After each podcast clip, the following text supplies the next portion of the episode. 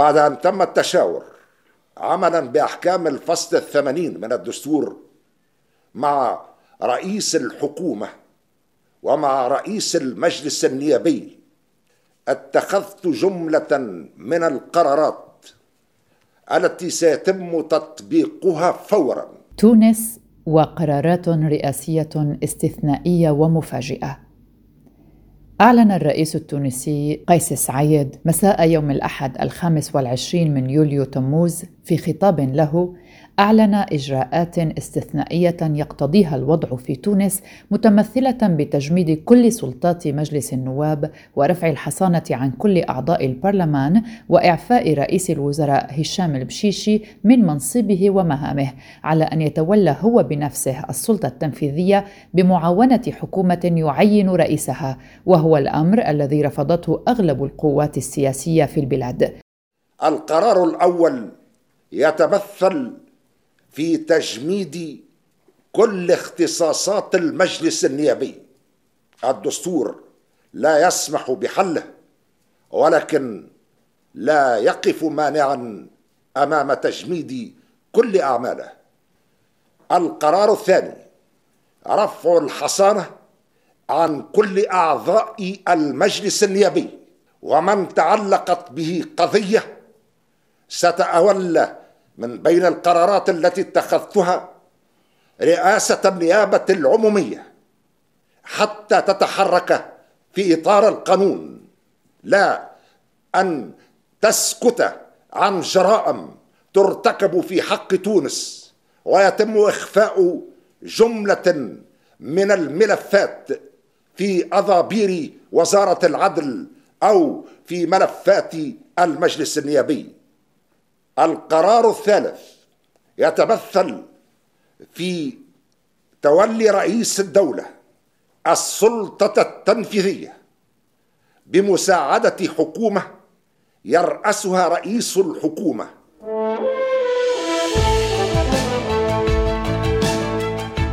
جرى ذلك بعد اندلاع مظاهرات عنيفة في عدة مدن تونسية لتدهور الأوضاع الصحية والإقتصادية والإجتماعية. سنبدأ من الشباب التونسي والذي يوضح أسباب تلك المظاهرات ضد الحكومة ويبدي رأيه في قرارات قيس سعيد عقب الاحتجاجات ونكمل. يعني الحكومة هذه ما عندهاش استراتيجية واضحة معناها الحد من انتشار الوباء. آه، تاخذ قرارات في آخر لحظة. العباد جاعت العباد فدت. إي سبتو اللي زاد ازم الوضع. أنه آه، مع العيد الأضحى يعني اتخذت قرارات مش عارفين مأتاها منين ثم آه، كان معناها الوقع نتاعها شوية خايب على توانسة آه، اللي خلاني تسجيل هكاك donc وبعدين يعني عباد تاخذ في قرارات من شخصية من غير مراجعة من غير سياسة واضحة ما فماش استراتيجية واضحة. الشعب فد الشعب خرج c'est bon آه انتفض.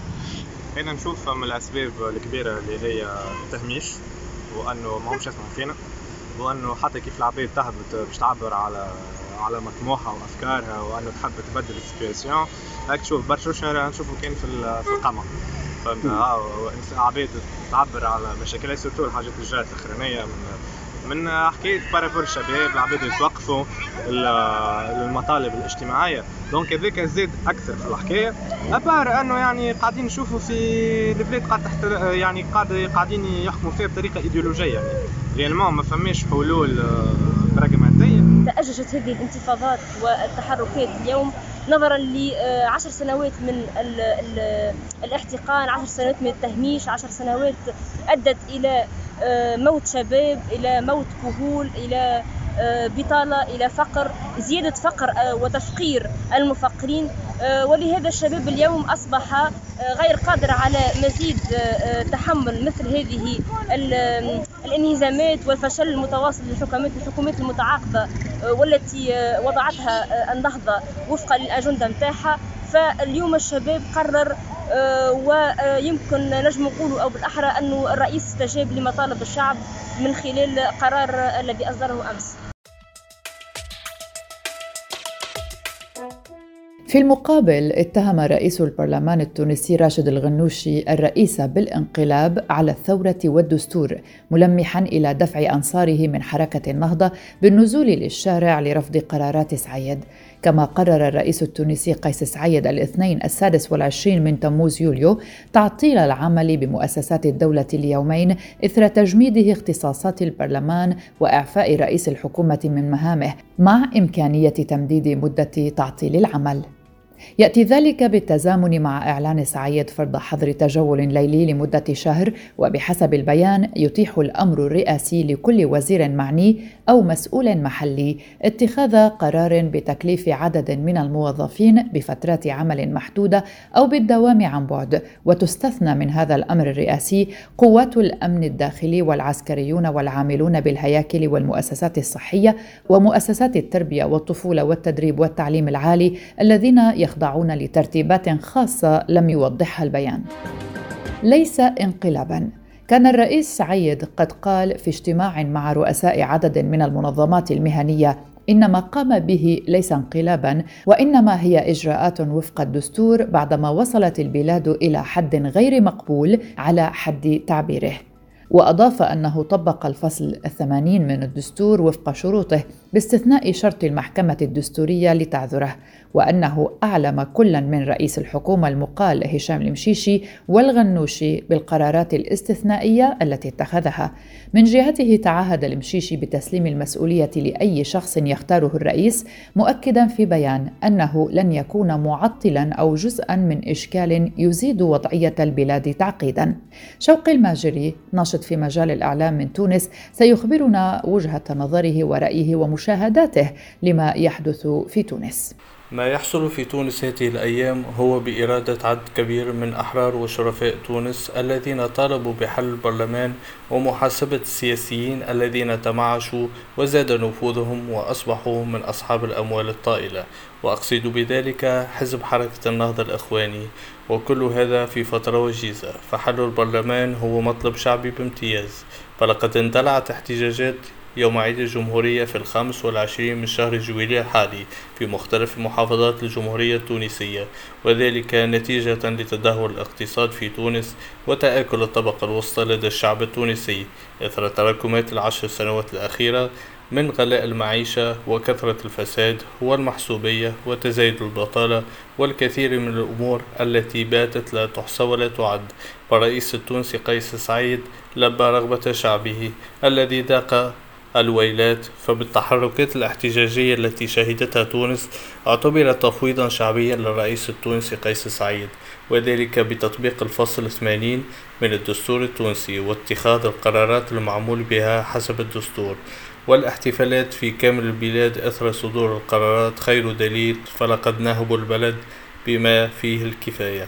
الآن سنستمع للصحفية نهلة الحبشي من قناة تونسنا. اللي صار في تونس والقرارات الجريئة نجم نقولوا هذه آه، سببت في ممكن صدمة نجم نقولوا برشا دول المجاورة وصدمة خاصة للمشرفين وللمباشرين للسياسة في تونس لهنا.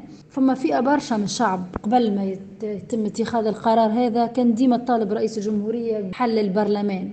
بأنه من حق رئيس الجمهورية في حالة وجود خطر داهم البلاد أنه يتخذ قرارات مثل هذه التي اتخذها. الأحزاب في تونس ما كانتش مواقفها واضحة وصريحة. بما فيها الأحزاب اللي كانت مشاركة في الحكم انتظروا ربما ساعات انقضاء ساعات الأولى من من قرارات رئاسة الجمهورية. آه، بدأت بعض بيانات التنديد. ربما بالطبيعة النهضة تحسها قاعدة توحدها في مواقفها في تنديدها بالإجراءات. اعتبرته اعتبرت أنه ما قام به رئيس الجمهورية هو انقلاب وأنه الفصل 80 اللي اعتمد عليه رئيس الجمهورية ما فيش حاجة تنص أنه من حقه أنه يجمد عمل مجلس نواب الشعب. أنا نقول لنا أنه المحكمة الدستورية اللي تم تعطيلها من سنوات تم تعطيلها أكثر من مرة وبما فيهم حركة النهضة كانت سبب في تعطيلها لعدة مرات. هم مرتكزين اليوم على المحكمة الدستورية. قال لك المحكمة الدستورية هي اللي تكون أساسا بتساعد أنه نزاعات في خصوص القرارات كما هذه. لكن المحكمة الدستورية اليوم إحنا شو نقولوا كمطلعين وكصحفيين؟ أنت كحركة النهضة وحزب حاكم علاش عطلت أكثر من مرة ولسنوات المحكمة الدستورية؟ نتحدث بخصوص تخوفات من المس من حرية التعبير والتخوفات من العودة للدكتاتورية. أنا نقول الدكتاتورية كنا عايشينها في في عشر سنين. صحيح آه، نعمنا بنوع من الحرية ولكن السياسات اللي تم اتباعها والخطوات وفشل ذريع للسياسة من حزب الحاكم حركة النهضة تيلت عشر سنوات. فشل ذريع خلينا نتسائلوا إحنا علاش عملنا ثورة؟ إذا كان هي ثورة اللي صارت في أحداث في 2011 تونس اليوم لبس برغم الظروف الاقتصادية والاجتماعية برغم القرارات المفاجئة ممكن يقولوا تعطل دواليب الدولة لكن الدولة كانت متعطلة طيلة عشر سنوات. ما كانش ماشي فيها شيء. حركة النهضة بدون تجني كانت تستقطب في الشباب بالتوظيف توظف في ناس من غير حتى مناظرات فقط لأنهم يعربوا على انتمائهم لحركة النهضة يتم توظيفهم. ممكن النقطة الإيجابية الوحيدة لحركة النهضة أن في فترة من الفترات قبلت الحوار وقبلت التشاور مع أطراف أخرى لكن اليوم النهضة تلقى روحها اليوم تواجه في مصير فشلها طيلة عشر سنوات. هم يقولوا ماناش أحنا نحكم وحدنا في تونس لا. الأغلبية في مجلس النواب حركة النهضة هي اللي تحكم. يعني ما ينجموش يقنعوا التوانسة بغير هذا وما انهم هما ما كانوش متسلمين الحكم. كل اليوم تونس تتعدى بمرحلة جديدة وما حتى مهمة على الآخر حتى مهمة تستحق أنه جميع المشرفين على دواليب الدولة في تونس يقفوا ويعجلوا في قراراتهم. وعلى رئاسة الجمهورية أنه تتخذ قرارات عاجلة باش ما يتمش باش ما نتأخروش أكثر لأنه فما مطالب اجتماعية ومطالب اقتصادية. في البلاد. اليوم الشعب التونسي ما عادش يهمه كان خبزته. الشعب التونسي اليوم ما عادش قادر حتى باش ياخذ شهريته. ظروف اقتصادية صعيبة. تعطل سير الحياة العادي. ولكن ما فما حد شيء يجيب بلاش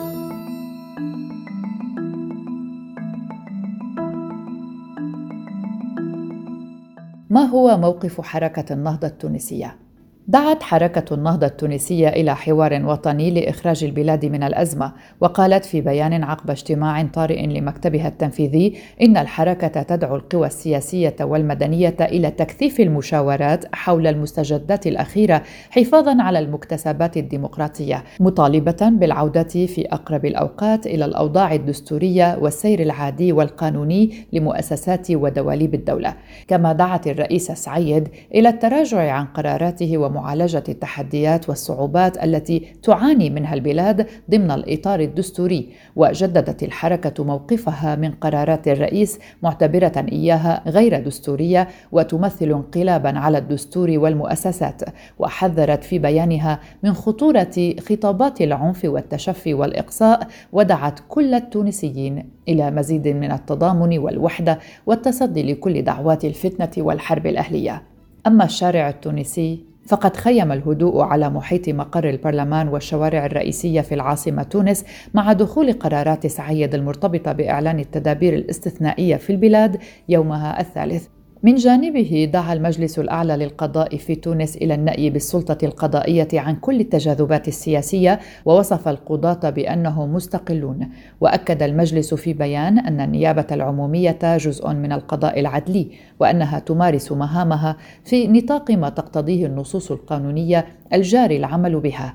وجاء ذلك بعدما أعلن الرئيس قيس سعيد اعتزامه رئاسة النيابة العمومية.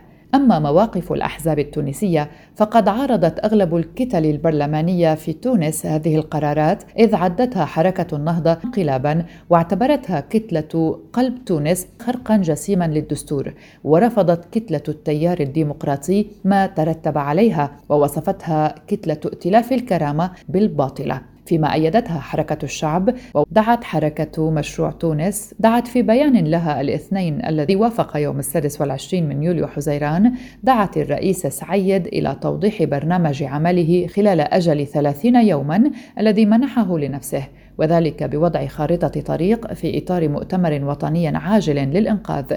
واقترحت الحركة أن ينتهي هذا المؤتمر بتنظيم استفتاء شعبي لتغيير النظام السياسي وتعديل المنظومة الانتخابية برمتها.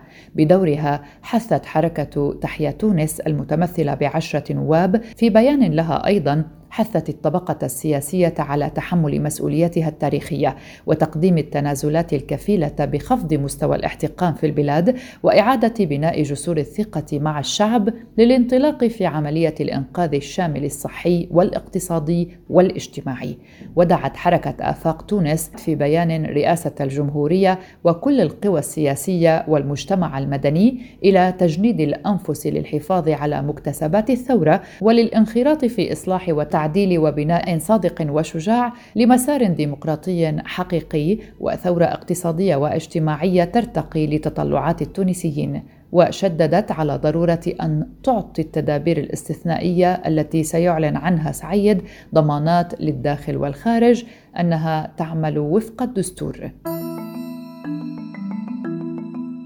توالت ردود الفعل الدولية على الأحداث التي تشهدها تونس وحملت أغلب ردود الفعل مؤشرات إيجابية داعمة للرئيس التونسي وقد امتد الدعم الدولي لتونس بإرسال المساعدات الطبية لمواجهة أزمة فيروس كورونا التي تضرب البلاد منذ أسابيع. وحصلت تونس على حوالي نصف مليون جرعة من اللقاحات من الإمارات وأعداد مماثلة أيضا من الصين. ونحو ربع مليون جرعة من الجزائر وأرسلت كل من مصر والسعودية والكويت وألمانيا وإيطاليا وسويسرا مساعدات طبية جوا وبرا كما قدمت فرنسا وإيطاليا كميات كبيرة من مولدات الأكسجين وأطنانا من المعدات الطبية على مدار الأيام الماضية لتزيد عدد الأسرة في غرف الإنعاش بمستشفيات العزل من 90 إلى 500 سرير إضافة إلى إرسال فرنسا أكثر من مليون جرعة من من لقاحي جونسون أند جونسون وأسترازينيكا تكفي ل 800 ألف شخص. أيضا المقالات العالمية والصحف البريطانية تحدثت حول ما يجري في تونس فقد نشرت صحيفة الجارديان مقالا افتتاحيا بعنوان وجهة نظر الجارديان حول الانقلاب في تونس ربيع يتحول إلى شتاء. وأشارت الصحيفة إلى أن تونس كانت الدولة العربية الأولى التي أطاحت بديكتاتورها في عام 2011 وكانت الوحيدة التي بقيت فيها ديمقراطية حقيقية. لكن الأحداث الأخيرة في رأي الصحيفة تشير إلى أن تونس تشهد ثورة مضادة معتبرة أن اقتحام قوى الأمن لمحطات التلفزيون ليست بعلامة جيدة على الإطلاق. وأضافت الصحيفة لقد تحول دفء الربيع العربي بالتأكيد إلى برد الشتاء واعتبرت أنه من الصعب الاختلاف مع وصف حزب النهضة بأن ما جرى انقلابا. ورأت أن السبب وراء أن قطاعات من المواطنين تتصرف بلا مبالاة أو تتقبل مفاهيم غير ليبرالية هو أن الحرية والديمقراطية في تونس لم تحققان الاستقرار السياسي والاقتصاد المزهر فبدلا من ذلك استمر الفساد والتضخم والبطالة. وتابعت افتتاحية الجارديان بالإشارة إلى أن تفشي وباء فيروس كورونا كشف أيضا عن مدى الاختلاف الذي وصلت إليه الدولة التونسية فقد وجد استطلاع أجراه المعهد الوطني للإحصاء في تونس أن ثلث الأسر كانت تخشى نفاذ الطعام العام الماضي. وأضافت في هذا السياق أن الحكومة وفقا لوثائق مسربة كانت مستعدة لإلغاء دعم الخبز في المفاوضات للحصول على قرض بقيمة أربعة مليارات دولار من صندوق النقد الدولي وهو الرابع في عشرة سنوات ولم يتفاقم الغضب من تعامل الحكومة مع الوباء إلا بسبب مستوى الدين الوطني فقد أصبحت مدفوعات القرض الآن ستة أضعاف حجم ميزانية الصحة في البلاد. وقالت الصحيفة أيضا إنه من السهل أن نرى كيف يمكن طرح الحجة القائلة بأن المؤسسات الديمقراطية في تونس لا تقدم ما يحتاجه الجمهور لكن النظام الرئاسي القوي انهار قبل عقد من الزمن لأنه أثبت أنه غير قادر على تلبية مطالب الناس. ورأت أن ما تحتاجه تونس هو أن يتبنى السياسيون وجهة نظر أكثر واقعية حول المكان الذي يجب أن تذهب إليه البلاد، فالعودة إلى الاستبداد لن تضمن استقرار النظام، وأضافت أن الرئيس سعيد تحدى الدستور لتعليق البرلمان وتشير عدم قدرته على العمل مع رئيس وزراء اختاره إلى أنه غير مناسب لنظام حكم معقد. كما أن مدحه للدكتاتورية العسكرية المصرية لا يساعد كثيرا لبث الثقة وفقا لما جاء في المقال وختمت الصحيفة المقالة الافتتاحية بالقول: هناك أزمة في تونس سيتم نزع فتيلها من خلال رؤية حالة الطوارئ على حقيقتها ومعالجة أسبابها، وليس من خلال الإصرار على الحجج المناهضة للديمقراطية التي تجاوزت تاريخ انتهاء صلاحيتها. هذه كانت حلقة من بودكاست في عشرين دقيقة. شاركتني في الإعداد صديقتي وزميلتي يالا فهد وكنت معكم براء صليبي. شكرا لحسن المتابعة. إلى اللقاء.